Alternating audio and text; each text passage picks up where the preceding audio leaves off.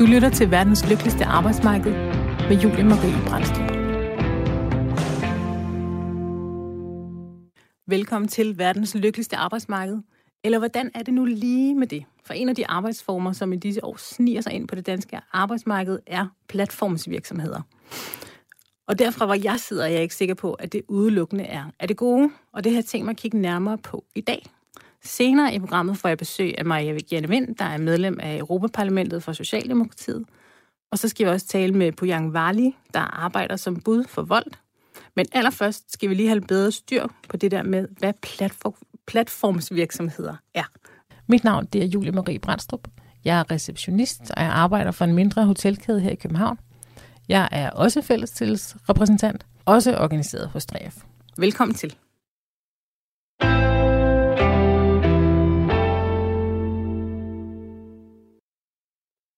Hej Kaja Brun, velkommen til. Kan du høre mig? Det kan jeg godt, ja. Det er godt. Du er faglig sekretær i 3F København, og sidder lige nu dybt begravet i OK21-forhandlinger, altså de forhandlinger øhm, af de nye overenskomster for dem, der arbejder inden for det offentlige, og de løber af staten her i foråret. Så jeg er så glad for, at du godt vil være med her i dag. Ja. Og det er platformsøkonomi, det hele handler om.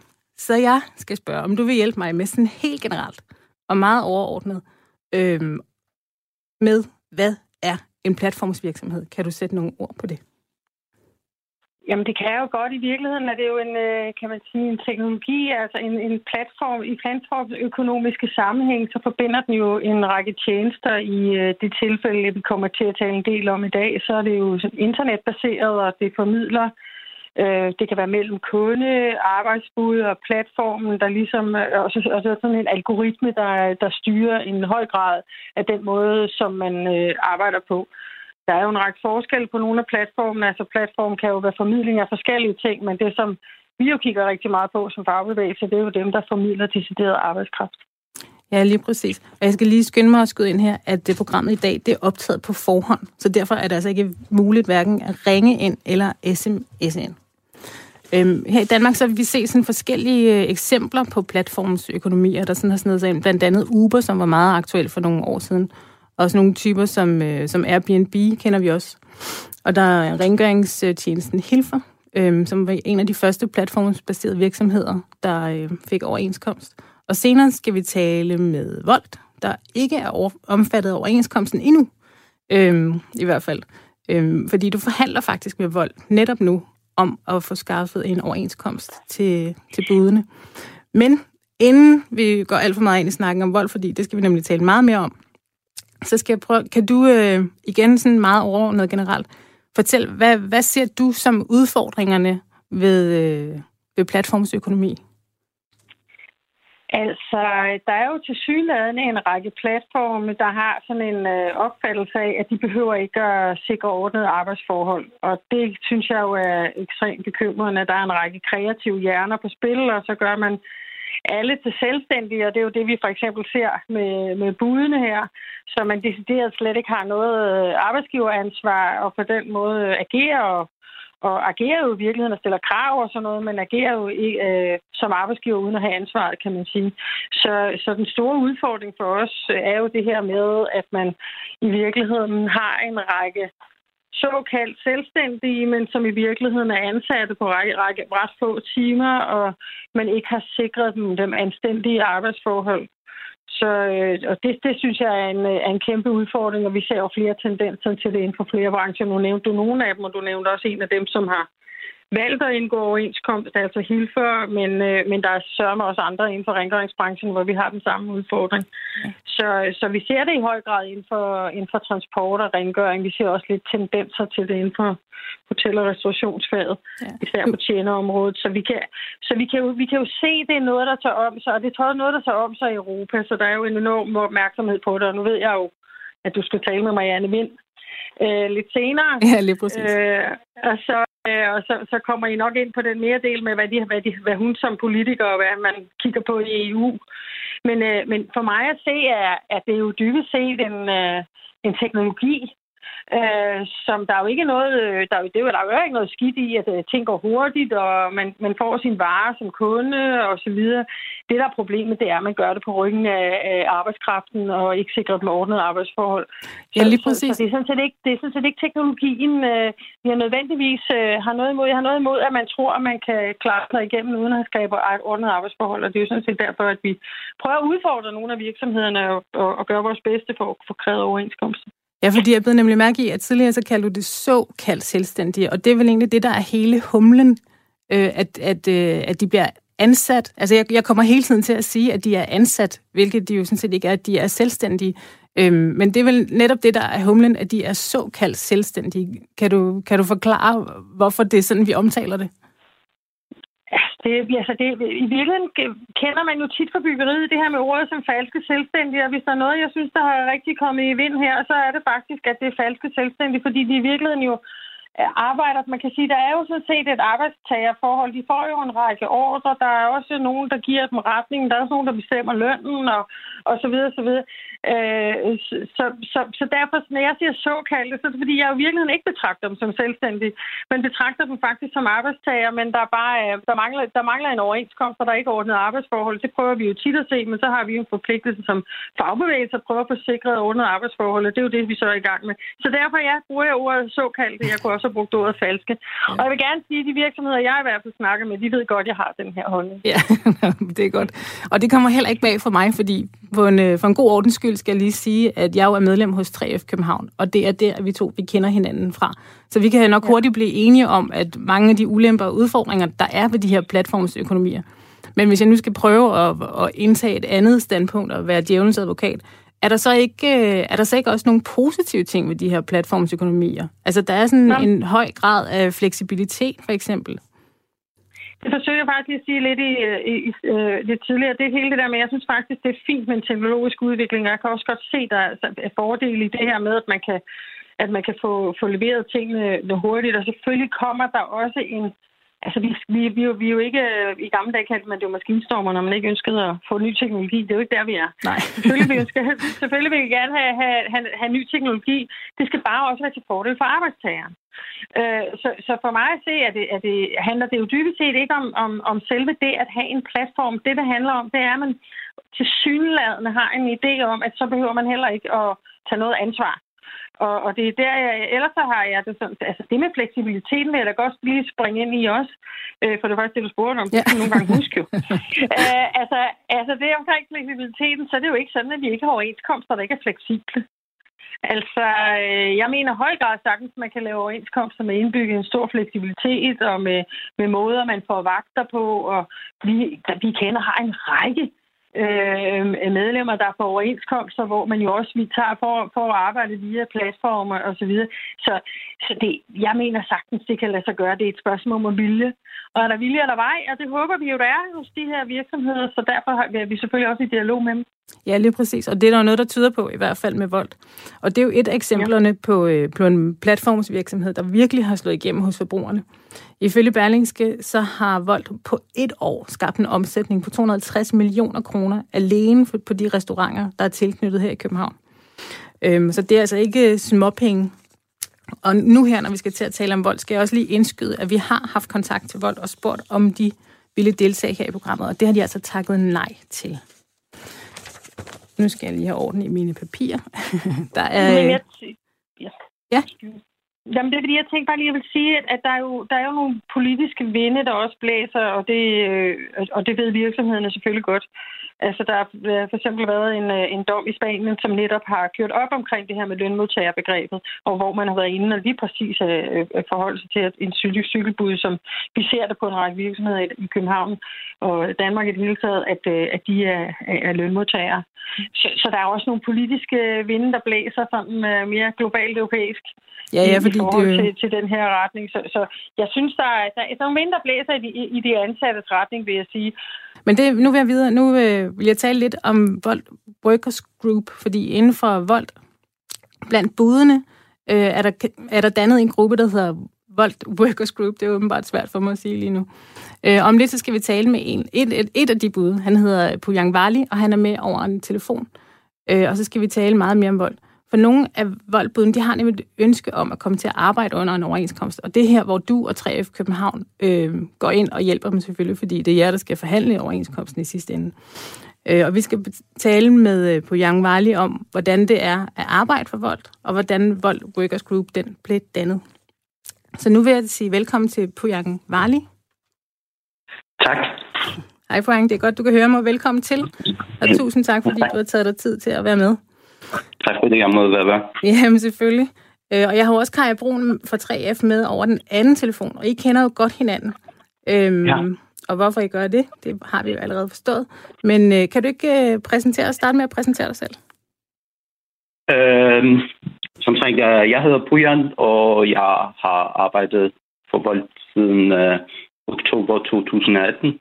Og jeg startede som deltid. Øh, min plan var at øh, øh, øh holde i sabbat år og arbejde lidt ved siden af. Ja. Øh, jeg havde brug for en rolig arbejdsplads, øh, så derfor valgte jeg vold. Det gav mig en, øh, det gav mig rigtig meget frihed, fleksibilitet. Og øh, samtidig kunne jeg køre i København og møde forskellige folk, øh, både som kunder og ansatte i restaurationsbranchen. Ja. ja. Og, det, altså, og jeg, jeg har en, øh, en idé om, hvad vold er, og det er der sikkert mange, der har, fordi I er blevet meget, meget tydelige i gadebilledet gennem, gennem de sidste par år, i hvert fald hvis man færdes i et af Danmarks otte største byer, hvor vold er til stede nu. Øh, og I bringer, ja. bringer mad fra restauranter, og så hjem til alle os sultne danskere. Øhm, ja. Men for at vi ligesom kan få et indblik i, hvad, hvad det sådan dybere går ud på, kan du så ikke fortælle lidt om, hvordan en, øh, en typisk arbejdsdag ser ud for dig? Altså i starten øh, øh, var det sådan, øh, arbejdede stadig fra kl. 11 om morgenen og sluttede øh, kl. 10 om aftenen, men øh, øh, for, for lidt tid siden har, har det ændret øh, øh til kl. 8 om morgenen, og i weekenderne fredag og lørdag, så, så har det åbent til kl. 12, mener jeg. Øh, på en arbejdsdag, øh, så, så starter man i sådan en, en af de kendte hotspot i byen, altså i København, som ja. jeg snakker om. Øh, og så øh, på, åbner man sin app, øh, og så får man leveringer, øh, som skal udføres af kurier. Ja. Så det hele foregår gennem den her app? Ja, ja det hele foregår på appen. Men hvordan arbejder du så? Fordi jeg tænkte, nu sagde du lige, at, øh, at arbejdstiderne ligesom er lavet om, så de er åbne fra klokken 8 om morgenen og til klokken 24 om natten. Men jeg går ikke, øh, går ikke ud fra, at du arbejder alle 16 timer. Nej, det gør jeg ikke. Øh, der bliver frigivet nogle vagter om ugen. Øh, om torsdag øh, klokken 4 bliver der frigivet øh, vagter til næste weekend. Og så øh, øh fredag kl. 8.30 bliver der frigivet vagter til hverdag, det vil sige mandag til torsdag. Uh, så man bygger nogle, man, man kan uh, arbejde både med værktøj eller uden værktøj. Det er sådan, uh, hvis man vælger at gå på arbejde på, uh, med værktøj, så bliver man betalt mindst 120 kroner i timen. Okay. Uh, men uh, samtidig kan man også uh, hoppe på sin cykel, som, som Volt siger, uh, og arbejde uden vægt uh, og blive betalt uh, til levering. Okay, hvad, hvad gør du mest? ja, jeg plejer altid at booke nogle værktøj. Det er ikke sikkert, hvor, hvor meget man tjener i timen, og det er rigtig ærgerligt, hvis man sidder i to timer og tjener 90 kroner, eller har kun haft to leveringer. Ja, lige præcis, for jeg tænker, det kan jo, det kan jo hurtigt blive konsekvensen, hvis ikke lige at det er midt i spisetiderne. Så sidder man der og blomstrer, og så er ens timehjem jo lige pludselig meget, meget lav. Øhm, ja. jeg, jeg har hørt, at, øh, at de vagter der, de faste vagter, hvor I ligesom er garanteret en timeløn, at der er ret stor rift om dem. Er det rigtigt?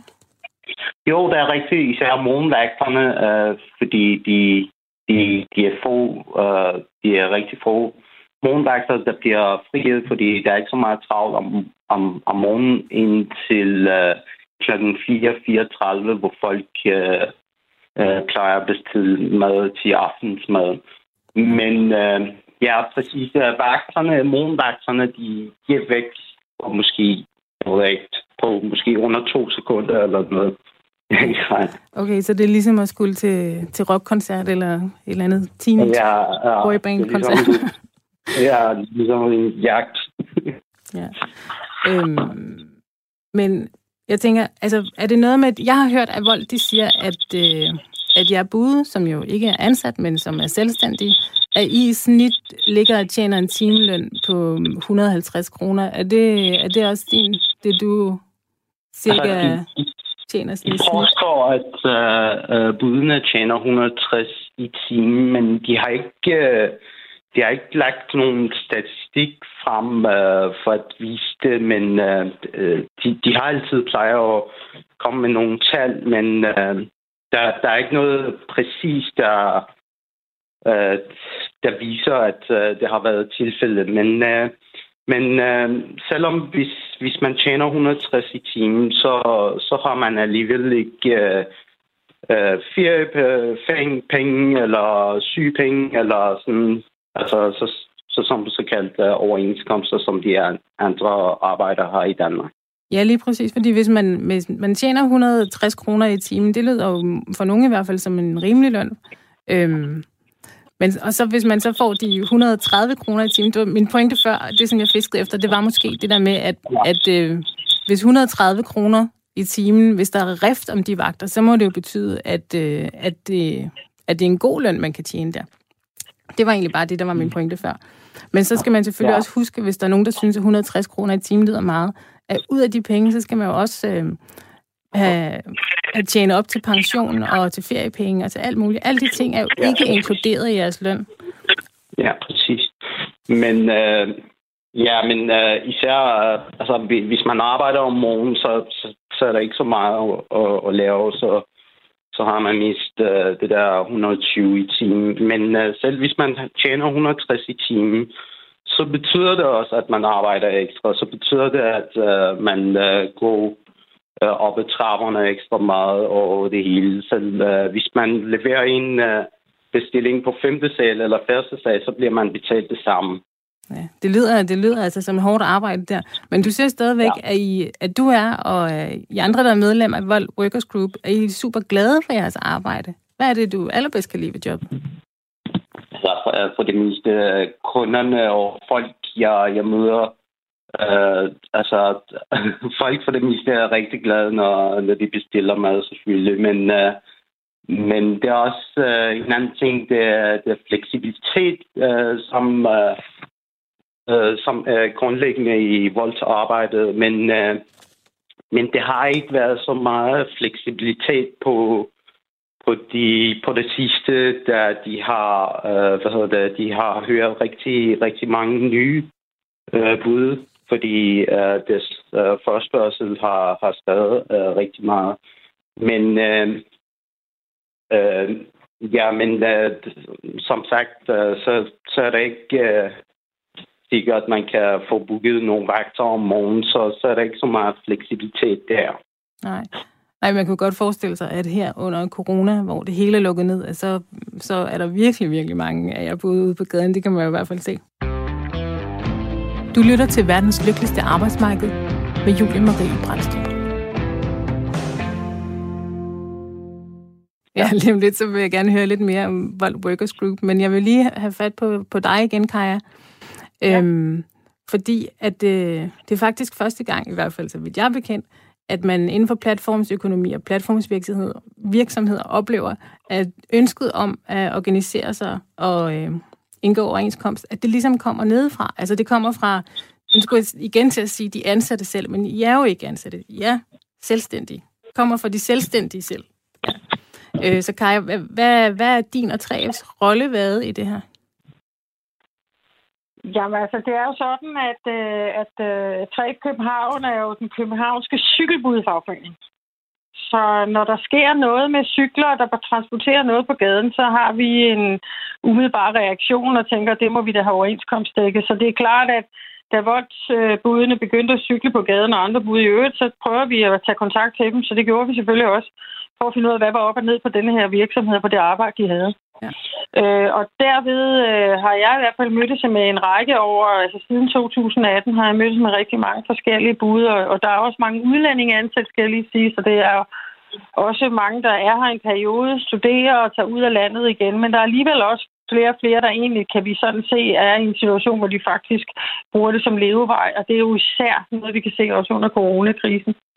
Så, øh, så, så det, det, vi, det, vi gjorde, det var, at vi begyndte at tage kontakt til dem.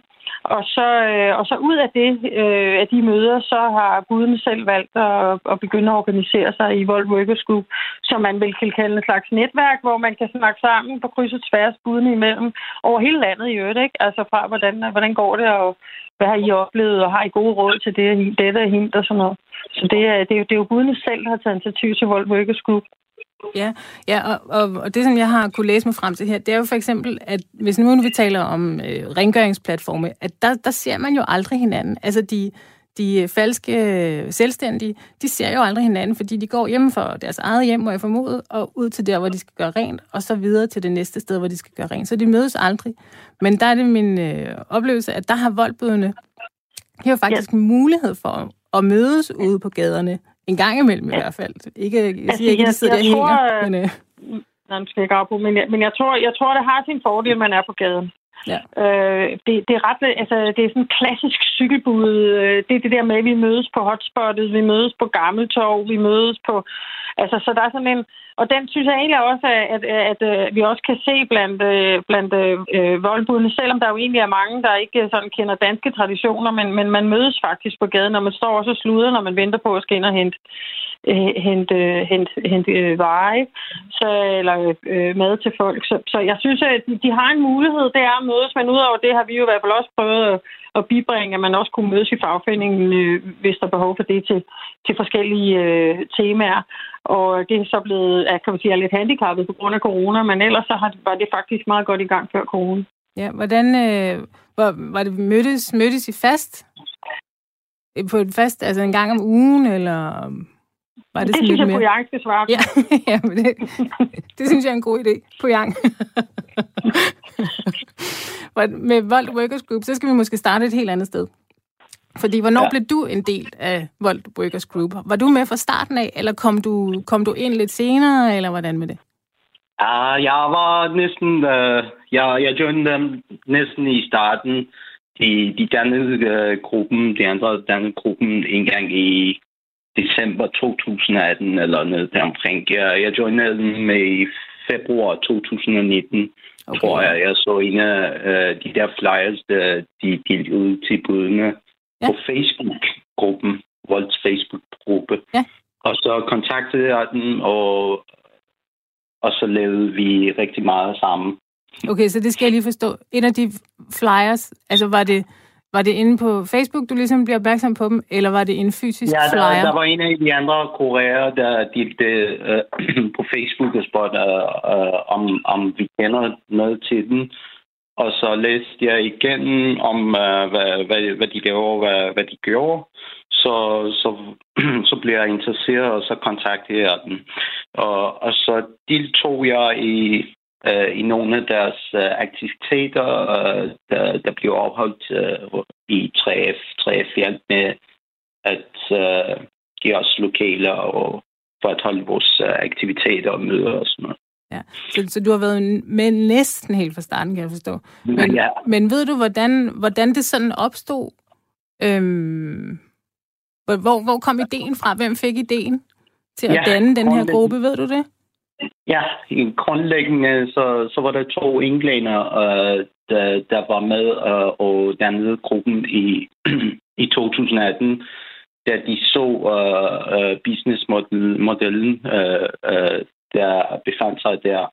Og de, de kendte i forvejen, da det, det skete i England for cirka 10-15 år siden, at øh, de sådan, sådan, øh, sådan slags øh, businessmodeller begyndte at arbejde, og så Øh, i, I løbet af 10-15 år har de, har de spredt sig til, øh, til næsten alle brancher i England. Nå, så det er en sådan stor, stor organisation på en eller anden måde, lige ja. der har været med til at inspirere. Ja. Øhm, så jeg kunne egentlig godt tænke mig at høre dig, Kaja. Hvad, hvordan, øh, hvordan støtter I op om Vold Workers Group? Hvordan, hvordan er jeres rolle eller samarbejde? Jamen, altså, det er jo sådan, at når vi, øh, øh når vi prøver at, at få overenskomstdækket arbejdsmarked, hvilket er vores øh, yderste pligt, kan man sige, så, øh, så, så kan man sige, hvad kommer først overenskomsterne eller medlemmerne? Det er sådan lidt forskelligt, men øh, her har der helt oplagt været en række folk, som, øh, som mente, at de havde behov for, at, øh, at der skulle ske noget mere. Øh, så den måde, vi støtter op på, det er selvfølgelig, at, øh, at vi mødes med Vold når der er behov for det, og, og støtter op om de aktiviteter, øh, der må have i forhold til, de har for eksempel ofte nogle forskellige møder omkring, hvordan var det at være på Working Holiday, eller hvordan, øh, hvordan er det med, med at være selvstændig og CVR-nummer og moms osv. Altså bakket op om nogle af de her ting. Vi har også bakket også op, op i forhold til, hvis der er arbejdsskader og hele det her med idéer til, hvordan man kan arbejde med arbejdsmiljøet. Så, så vi, vi gør egentlig det, vi plejer at gøre over for vores medlemmer. Det gør vi også over for dem, der kommer ind fra vold. Vi prøver vi at støtte så godt vi kan. Ja. Nu sagde du lige arbejdsmiljø, øhm, fordi når, når man sådan, når man ar- eller nej, igen, når man er ansat som selvstændig, jeg ved ikke, igen ikke, hvordan jeg skal formulere det, øh, er der så noget med arbejdsmiljø og arbejdsmiljørepræsentanter, forsikringer og alle de her ting, hvordan, hvordan fungerer det på sådan en platformsøkonomi? Der er ingenting, Julie. Nej, det er det. Men der er næv- ingenting. Så men... man er jo, altså et eller andet sted står man jo som retsløs. Altså det er jo det der med, jeg kan jo, kan jo slet ikke, altså det, jeg forstår slet ikke det her med, at man kan være selvstændig som cykelbud og køre så få timer. Det hører ingen steder hjemme. Jeg mener jo klart, at man er lønmodtager. Men det er jo den udfordring, der er. Det er, at man jo i virkeligheden, går, kommer man ud for en skade, er man jo ikke særlig godt beskyttet. Vold har forsøgt at lave en, en, en, en slags forsikring, men det er jeg ikke engang sikker på, at nogle af de, flere af de andre virksomheder har gjort. Det ved vi sådan set ikke, men men, men den giver jo ikke øh, det, som vi kender fra en arbejdsskadeforsikring og, og, og de øh, erstatninger, vi, øh, vi ser, når man er ansat og kommer ud for en skade på arbejde. Ja. Så det er, det er en, man er meget på sin egen, på sin egen verden, ikke? Altså man er, Ja, ja, ligesom fordi... at man er selvstændig, så, øh, og, og, og selv skal vælge at arbejde, jamen, så er man også på herrens magt, når man bliver syg, så der er ikke rigtig nogen, der kan hjælpe en. Ja. Og det synes vi alligevel har været bekymrende, så der vi, øh, arbejder vi faktisk også og kigger ind i det her med, hvad kan man gøre for at hjælpe dem øh, i forhold til, når de kommer ud fra en arbejdsskade.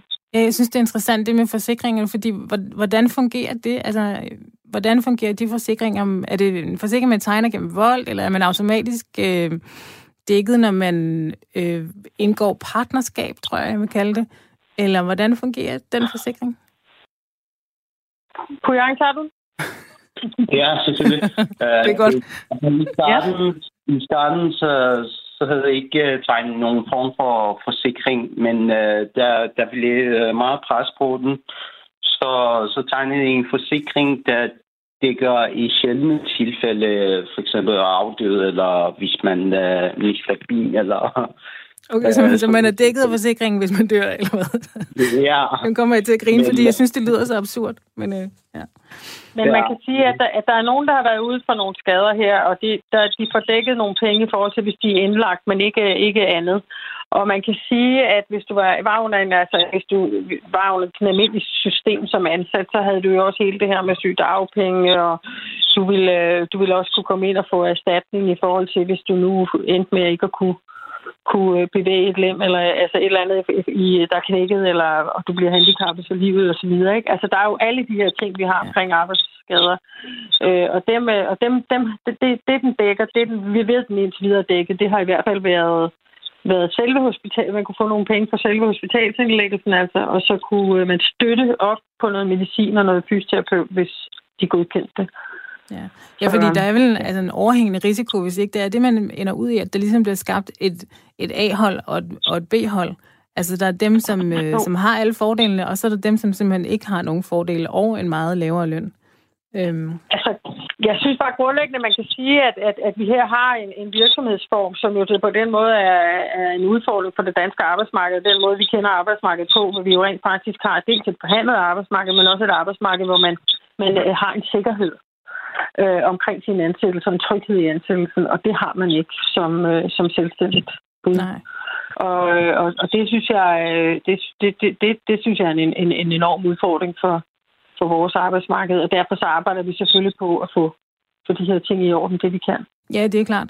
Jeg tænker på, hvis jeg skal være en lille smule øh, fræk, så er nysgerrig på, altså hvis, øh, hvis 3F havde været mere øh, proaktiv øh, i kampen om at få tegnet en overenskomst med for eksempel vold, altså hvis jeg havde kastet jer ind i kampen lige så snart øh, de satte foden på dansk jord, øh, ville, ville I så være noget længere med arbejdet om at nå til enighed om en overenskomst?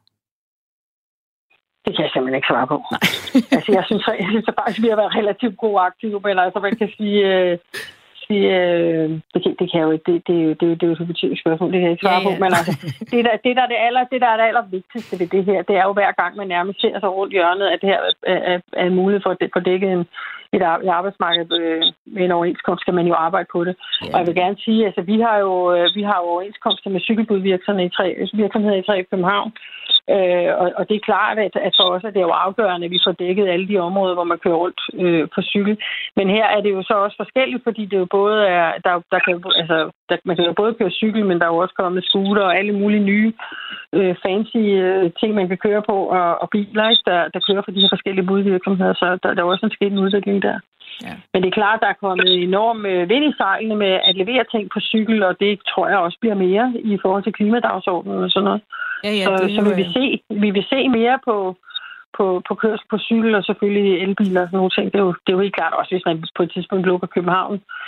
Indre København for, for større biler, så øh, bliver cykelbud eller cykel, cykler afgørende for kørselen.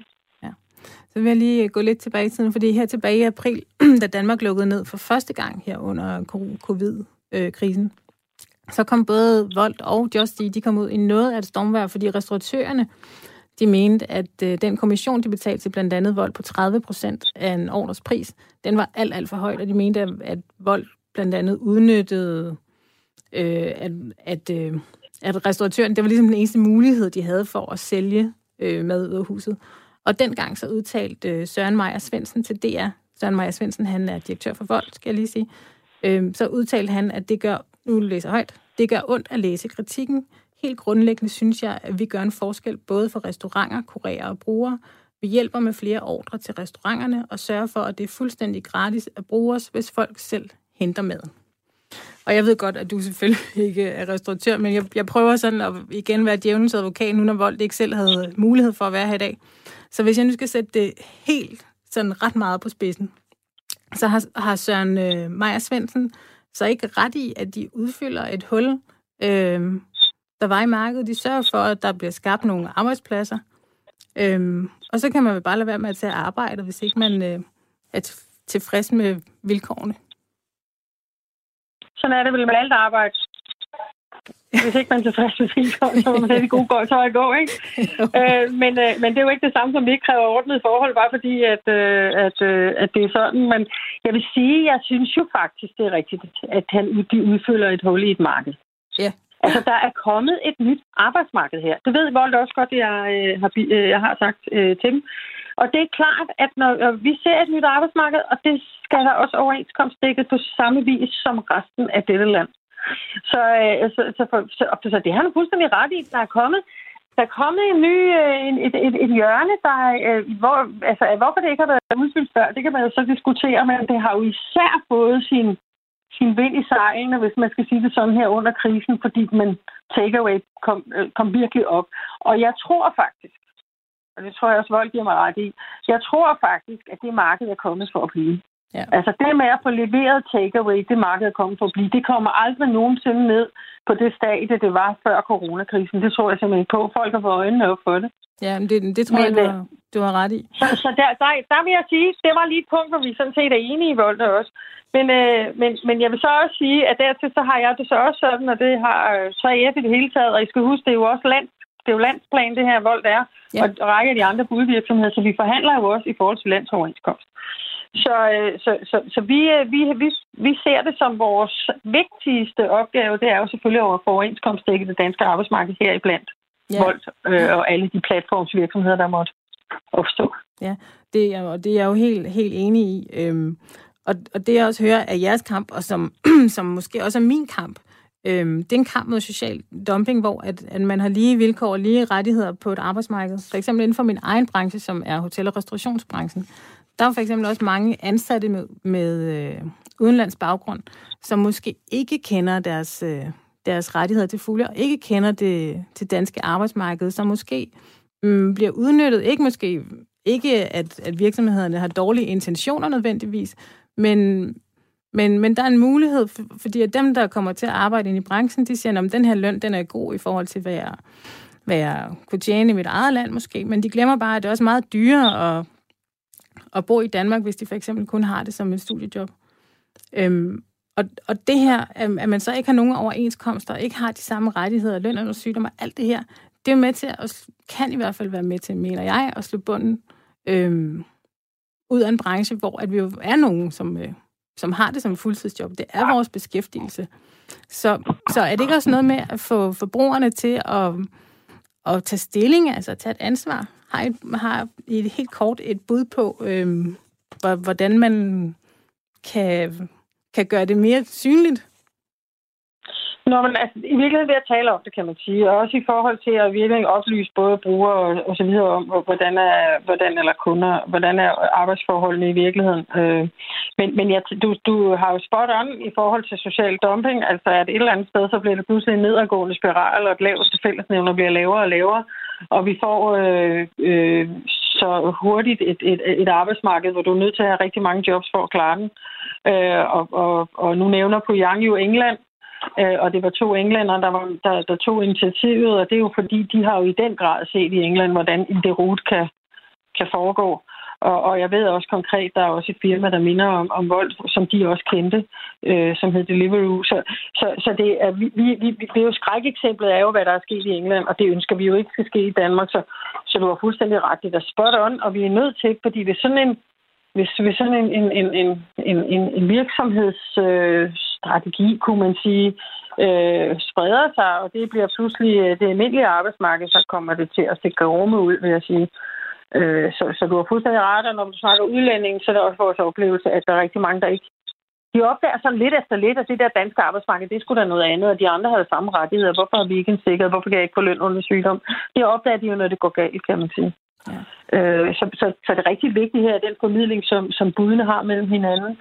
Øh, og, og, og selvfølgelig også, at, at forbrugeren bliver opmærksom på, at, øh, at, at det er faktisk vigtigt sådan generelt, at uanset hvad vi snakker på, på en virksomhed, så ordnes arbejdsforhold i Danmark ultra vigtigt. Ja. Hvad med dig, Pujang? Har du øh, en sidste, en sidste bøn til, til de danske forbrugere? Ja, det har jeg faktisk. Vi har for lidt tid siden lavet en opslag på vores Facebook-side, hvor vi øh, øh, folk, danskerne, om at øh, skrive til Volt i appen, i support-menuen. Der, der er sådan en øh, chat-fan, hvor, hvor de kan skrive til support øh, øh, hos Volt, og så bede dem om at øh, overveje at få indgå øh, forhandlinger og overenskomstforhandlinger med 3F. Og det... der var der, der var jo en del folk, der, der har skrevet til den, og der fik uh, rigtig meget uh, opmærksomhed, og det var rigtig fint synes jeg i hvert fald. Ja. Sådan, det, jamen den, den opfordring, den tror jeg, vi vil slutte på i dag, og så vil jeg i hvert fald også gøre mit til, at uh, vi her i programmet kan debattere vilkårene på det danske arbejdsmarked. Så nu vil jeg sige tak til mine to gæster. Øhm, de var begge to med over en telefon. Tusind tak, Kaja Brun og på Yang Vali, fordi I vil være med i dag. Tak. tak til dig, Julie. Du lytter til verdens lykkeligste arbejdsmarked med Julie Marie Brandstrup. I dag taler vi om platformsøkonomi og hvordan det påvirker vores arbejdsmarked. Øh, programmet det er optaget på forhånd, så I kan stadig hverken ringe eller sms ind i dag. Og nu skal vi sige velkommen til Marianne Vind, der er medlem af Europaparlamentet for Socialdemokratiet. Hej Marianne, velkommen til. Kan du høre mig? Nej, Marianne kan ikke høre mig. Jeg, kigger... jeg kan godt høre dig. Du kan godt høre mig? Det er godt. Ja. Sådan. Ja. Det virker. Jamen, øh, jeg snakkede lige med din kollega, øh, og straks jeg kom væk fra det, der hørte jeg, at du sagde, at, du, at jeg ikke kunne høre dig, og det kan jeg. Nå, det er godt. Jamen, så teknikken virker, så, så er jeg glad. Ja. Jamen, øh, hej Marianne. Velkommen til. Jeg er hej. glad for, at øh, du gerne vil tale med mig i dag, og jeg er især glad, fordi nu kan jeg også høre, hvad du siger. ja, det er ret heldigt, faktisk. ja, ja, det er det. og det er jo et vigtigt emne, emne, som vi har op at vinde. Men først kunne jeg godt lige tænke mig, lige en gang til for øh, prins Knud, at, øh, at lige vende det her med, altså hvad er det, der kendetegner en platformsvirksomhed, eller en platformsøkonomi, øh, fra for eksempel en deleøkonomi? Hvordan skældner vi de to? øh, skældner vi mellem de to former for økonomi? Fordi det, det kan man godt nogle gange komme til at blande en lille smule sammen. Det er en helt vildt vigtig pointe, den her. Fordi øh, deleøkonomi er blevet misbrugt rigtig meget i platformsøkonomi. Fordi det lyder meget grønt og meget øh, solidarisk, når man snakker deleøkonomi, hvor platformsøkonomi, der har man så lidt mere, der er en eller anden, der tjener penge på den her platform. Øh, og, og det er nemlig den store forskel på de to ting. En deleøkonomi, der er der ikke en, der ejer platformen øh, og tjener pengene på det. Det er en deleøkonomi. Det er, at man i en opgang øh, har fælles øh, vaskekælder og deler vaskemaskinen, eller man på en vej har fælles plæneklipper og hækklipper, eller man deler en bil i en mindre landsby, man har en lille minibus, så man kan køre ind til byen og handle for de gamle øh, en gang om ugen. Det er deleøkonomi i store træk. Hvor hvis vi snakker platform, så snakker vi om en, der ejer platformen, hvor vi andre kan gå ind og øh, købe, sælge forskellige ting. Øh, vi kender alle sammen Den Blå Avis, og de fleste kender også øh, overnatningsvirksomheden Airbnb, som jo er verdens største overnatningsvirksomhed, men de ejer ikke en eneste mursten. Ja. De ejer ikke nogen hotelværelser. Men det er en platform. Så, så hvor, det er stadigvæk, jeg synes stadigvæk, det er svært at definere, hvor går grænsen mellem de to, fordi en deleøkonomi kan vel også være, at man, at man tjener mm, tjener en lille skilling på for eksempel at, at tage en enkelt tur med vold, når man alligevel øh, stod der på hjørnet og ikke havde noget at tage sig til, og man skulle ud og besøge sin farmor, der boede nogenlunde i samme retning, så kunne man tjene 50'er på vejen. Det, det, er det deleøkonomi? Eller er det platformsøkonomi? Nej, det er, det. det er en platformsøkonomi. Det er vold, der tjener pengene på, på den her helt stor stil. Så skulle vi også sige, at det var deleøkonomi, at, at du solgte øh, dine øh, brugte sko øh, på en eller anden platform på nettet. Øh, nej, det er det ikke. Nej, okay. Øhm, men men øh, men det er en fornuftig tanke, for det er genbrug af din sko. ja, ja, det er det. Og det er på en eller anden måde, at det også genbruger tiden, fordi når man skulle alligevel den retning. Hvad med sådan nogle som, øh, hvad hedder de, hedder de ikke uh, GoMore? Eller dem der, øh, hvor ja. man kan køre med, det, med ja. bil, ja. skulle jeg til at sige. du, du ved, hvad det jeg mener. Er, øh, ja, det, lige præcis. Det er et deleøkonomi, hvis man øh, hen ad vejen deles om at have en fælles bil. Øh, så er der ikke nogen, der tjener penge på det men miljøet og klimaet tjener på det. Øh, hvis det er et firma som GoMore øh, og alle de andre af den slags firmaer, så svarer det jo fuldstændig til, om jeg leger min, min bil hos et biludlejningsfirma. Ja. Her der leger jeg bare hen på gaden.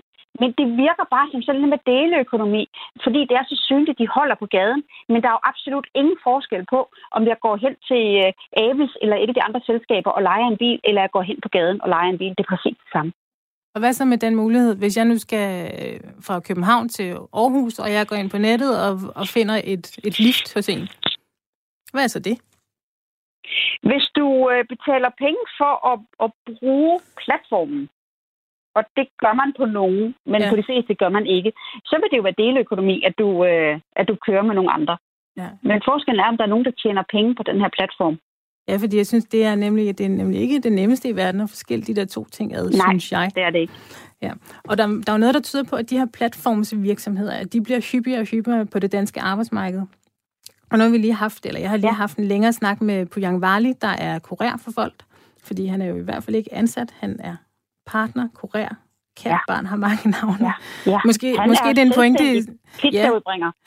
ja, og måske det er en pointe i sig selv, at jeg ofte har fumlet rundt for at finde ud af, hvad det lige hedder, fordi jeg har ikke engang, eller vi har ikke engang rigtig et navn for den form for ansættelse.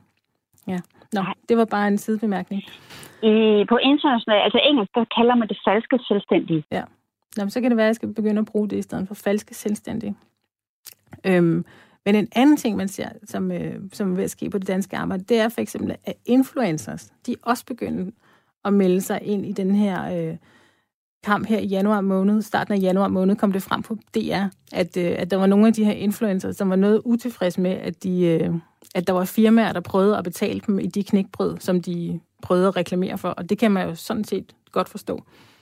Ja. Og, og de her influencers, som øh, de, de efterlyser også lidt ligesom Vold Workers Group, øh, de efterlyser egentlig bare citationstegn, det er ikke det, det bedste radio, Øhm, de efterligner egentlig bare de samme rettigheder, som vi har på resten af det danske arbejdsmarked. Altså alt det, vi tager for givet, nemlig øh, en løn, man kan leve af, som ikke er knækbrød, øh, pension, løn under sygdom og så videre. Er det noget, der kan gøres, øh, kan der gøres noget politisk for at, at imødegå det her sådan, øh, noget beskidende ønske? Og jeg kan sagtens forstå dem. Altså, man kan jo ikke leve af at få tilbudt biografbillet eller en portion knækbrød, eller jeg forstår sagtens deres problem. Det, der har, det de har stødt ind i, øh, det er, at der er en øh, konkurrencelovgivning i EU. Og den er lavet i en tid, længe før vi er nået til digitale platformer og alt muligt andet. Øh, der lavede man en lovgivning for, at dyrlæger eller advokater eller revisorer og øh, den slags, at de ikke aftalte deres priser. Altså, man tænkte, at de sidder hen i logen, og så aftaler de lige i en mindre by øh, i Holbæk, at vi hæver lige vores priser med 20 procent alle sammen, så tjener vi 20 procent mere, og, og, og når vi alle sammen gør det, så er der ikke nogen andre steder, man kan gå hen. Når man gør det, så danner man et kartel, og det er forbudt. Man må ikke aftale priserne. Og når man så er et selvstændigt cykelbud hos Volt, så må man ikke aftale priserne med de andre cykelbude, fordi så er man et kartel. Men den lovgivning er aldrig nogensinde lavet til, at de lavestlønnede øh, i Danmark skulle blive ramt på, på deres øh, helt almindelige fundamentale levevilkår. Øh, og det er jo det er den lovgivning, der bliver nødt til at blive kigget på i EU, fordi vi bliver nødt til at få åbnet den her op igen øh, og få den up to date til, til den tid, vi er i i dag. Ja, lige præcis, fordi at det skete nemlig faktisk for Hilfer, som er en dansk rengøringsplatformsvirksomhed. øh, øh, øh, som her i august, der faldt der en dom øh, for Konkurrence- og Forbrugerstyrelsen øh, Øhm, mod Hilfer, fordi at Hilfer, de havde været inde og... Nu skal jeg se, om jeg kan få det, få det rigtigt ud. Ikke? Hilfer, Hilfer, de havde... Øh, Nå. Nej, nu skal vi se her. Her er det. Her er det. Her. øhm, de er efter sine øhm, den første platformsvirksomhed, som faktisk har tegnet en overenskomst. Det var det, jeg ville hen til. Ja. Øhm, og de har delt det op, sådan at de har nogle øh, ansatte, som arbejder under en overenskomst. Det er nogen, som de kalder superhilfer. Og når man har gjort rent i over 100 timer, så kan man blive superhilfer, og så kan man overgå til at arbejde under en overenskomst. Øh, hvor der er en øh, overenskomstbestemt løn, der er pension, der er løn under sygdom, og alt det her, som vi kender fra det regulerede arbejdsmarked.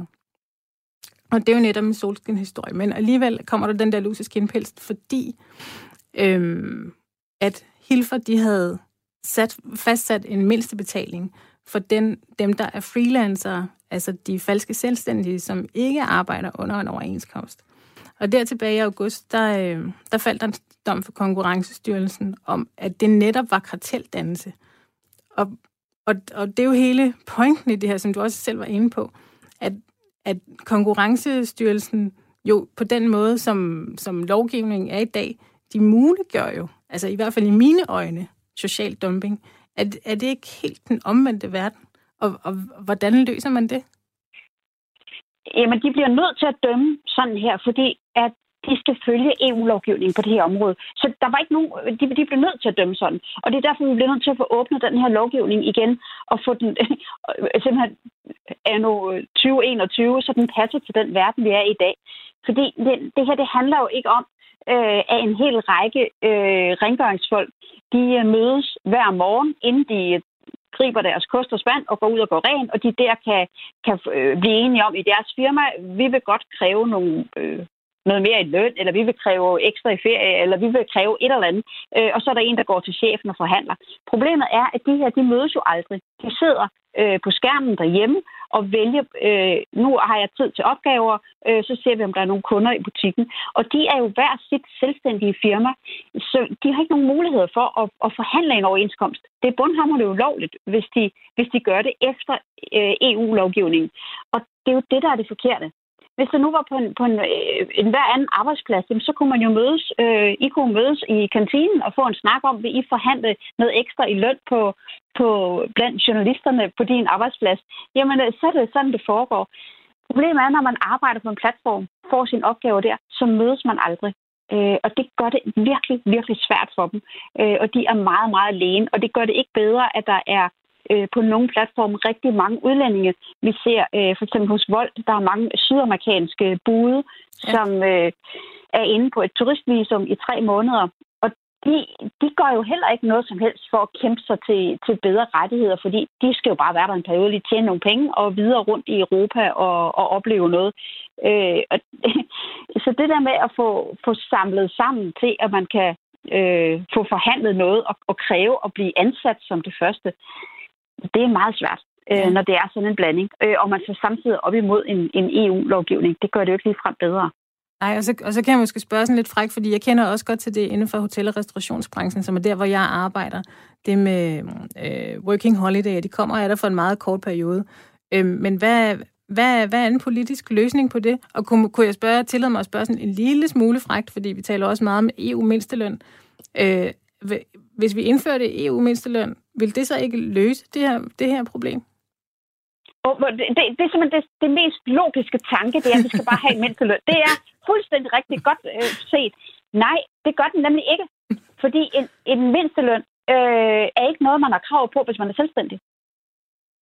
Okay. Hvis man, hvis man er selvstændig, og det er jo det, man er, hvis man sidder på, på øh, en eller anden platform og tilbyder sig som rengøringshjælp, eller man, man øh, er kurerpartner hos Volt, eller man kører Uber, eller man er et eller andet andet, øh, hvor man tilbyder sin, sin arbejdskraft som, og de er jo selvstændige, hver sit selvstændige firma. Så skal man selv stå for sit arbejdstøj, man skal selv spare sin feriepenge op, man skal selv sørge for løn under sygdom, øh, arbejdsmiljøloven behøver man ikke overholde, man skal selv betale sit transportmiddel, hvad det nu er, man bruger til at bringe varer ud med. Og man er ikke krav på at få en mindsteløn. 21 lande i Europa, de har jo allerede en mindsteløn i deres land. Nu taler man jo om, om vi skal have en, der gælder for hele Europa. Men 21 lande har det allerede. Og i, i blandt de lande, der er der rigtig mange af det, vi kalder working poor. Altså mennesker, der har et fuldtidsarbejde, men de kan ikke leve af det. Og det er blandt andet nogle af de her, der er altså falske selvstændige, fordi det er jo ikke et firma. Man er jo ikke et firma, fordi man leverer pakker ud for et af de store pakkefirmaer. Så skulle man jo i mit hoved være ansat af det pakkefirma. Og så har man krav på mindsteløn i det land. Men hvis man har sit eget selvstændige firma, og man leger skiltet på bilen, og man leger skiltet på sin kasket, og man leger skiltet, man har på sin kedeldragt, øh, og man leverer pakker ud, så er man i det der nye smarte system en selvstændig. Ja. ja, det er jeg sådan set glad for, at du siger, fordi jeg, jeg synes helt personligt heller ikke, at den europæiske øh, mindsteløn eller en dansk mindsteløn for den sags skyld er løsningen. Men hvad, hvad er løsningen så? Løsningen er, at vi får noget lovgivning, som de blandt andet arbejder på i Kalifornien, øh, at, at vi får ryddet op i, at hvornår er man selvstændig, og hvornår er man lønmodtager. Fordi hvis man nu var selvstændig øh, vareudbringer eller madudbringer, så skulle man jo køre med sit eget firmalogo. Så skulle det jo stå A. Sørensen pizzaudbringning. Men det gør der jo ikke. Der står Volt. Ja, ja. Så hvis man, hvis man arbejder udelukkende for, for én virksomhed, så skal man være ansat der. Ja. Men, Vi så men... i... Øh, ja. Men den, den her form for, for arbejde, det imødekommer jo noget, som forbrugerne gerne vil have, og som vi talte om, eller som jeg talte med, med Kaja Brun for 3F om tidligere, så er der jo faktisk et, der har åbenbart været et hul her i arbejdsmarkedet, som Vold er gået ind og, og udfyldt med, med ret stor succes. Så hvis forbrugerne gerne vil have det, er det, er det så ikke øh, svært at løsne op for? Forbrugerne vil gerne have leveret øh, take-away-mad. Øh, hurtigt have en pizza, hurtigt have en burger. Øh, jeg tror ikke, der er ret mange, der er klar over, hvad det er for nogle vilkår, de arbejder under. Øh, Vold argumenterer jo selv for, at det er fordi, at det er meget, meget fleksibelt. Fordi det der med at have en stående styrke, der er klar, det kan jeg sagtens forstå. Men Vold ved jo godt, hvornår der er spidsbelastninger. Det er der nok øh, fredag aften og lørdag aften og lørdag til frokost måske. Der er nogle spidsbelastningstidspunkter i løbet af dagen, hvor der er brug for ekstra mange bude. Altså, da jeg var ung, det var før vi havde øh, de her digitale platforme, det kan jeg godt sige. Der gik jeg ind på Kalundborg station øh, og satte krydser, hvornår jeg gerne ville have vagter i kafeteriet på Kalundborg Aarhusfærgen. Ja. og det gik jeg hen og gjorde på en tavle. I dag gør man det på sin telefon, men der er absolut ingen forskel. Jeg var ansat af DSB på Kalundborg Aarhusfærgen til at være kafeteriemedhjælper. Og jeg tog de vagter, jeg havde tid til, mens jeg gik på gymnasiet. Det var jo ikke hver weekend, jeg havde tid til det, men jeg tog de vagter, jeg havde tid til. Men jeg var stadigvæk ansat. Jeg var ikke et selvstændigt firma. Jeg var ansat hos DSB til at være i kafeteriet. Præcis det samme kan man jo gøre her. Ja, og, og det, øh, jeg, jeg, jeg håber på en eller anden måde, at der øh, at, at, at I finder en løsning på det her, fordi social dumping, det er, øh, det er et stort problem, og de her platformsvirksomheder, de er nok ikke, øh, de forsvinder nok ikke lige med det første. Så, øh, så med det ord vil jeg lige stille sige tusind tak, fordi at du vil være med i dag. Det er jeg rigtig glad for, at du vil øh, kaste lidt lys over den her komplekse situation. Så øh, mig, Janne Vind, medlem af, øh, medlem af Europaparlamentet for Socialdemokratiet. Tusind tak, fordi du er med. Det var så lidt. God dag. Jo, tak lige måde. Så vil jeg helt kort her til sidst men om den film, for den snak, vi har, vi har haft i dag, den minder mig om en engelsk film, der hedder Sorry We Missed You, som i den grad øh, viser, hvordan det her det øh, udspiller sig. Det var alt, hvad vi havde at byde på i dag, så jeg håber, I kunne lide det. Jeg vil sige tak til Kaja Brun, Pyang Vali og Marianne Vind. Vi er tilbage igen på mandag. Du har lyttet til verdens lykkeligste arbejdsmarked her på Radio 4, nu med mig som vært. Jeg hedder Julia Marie Brandstrup. Programmet er produceret af Rakkerpark Productions, og producer er som altid Julia Lindhardt Højmark.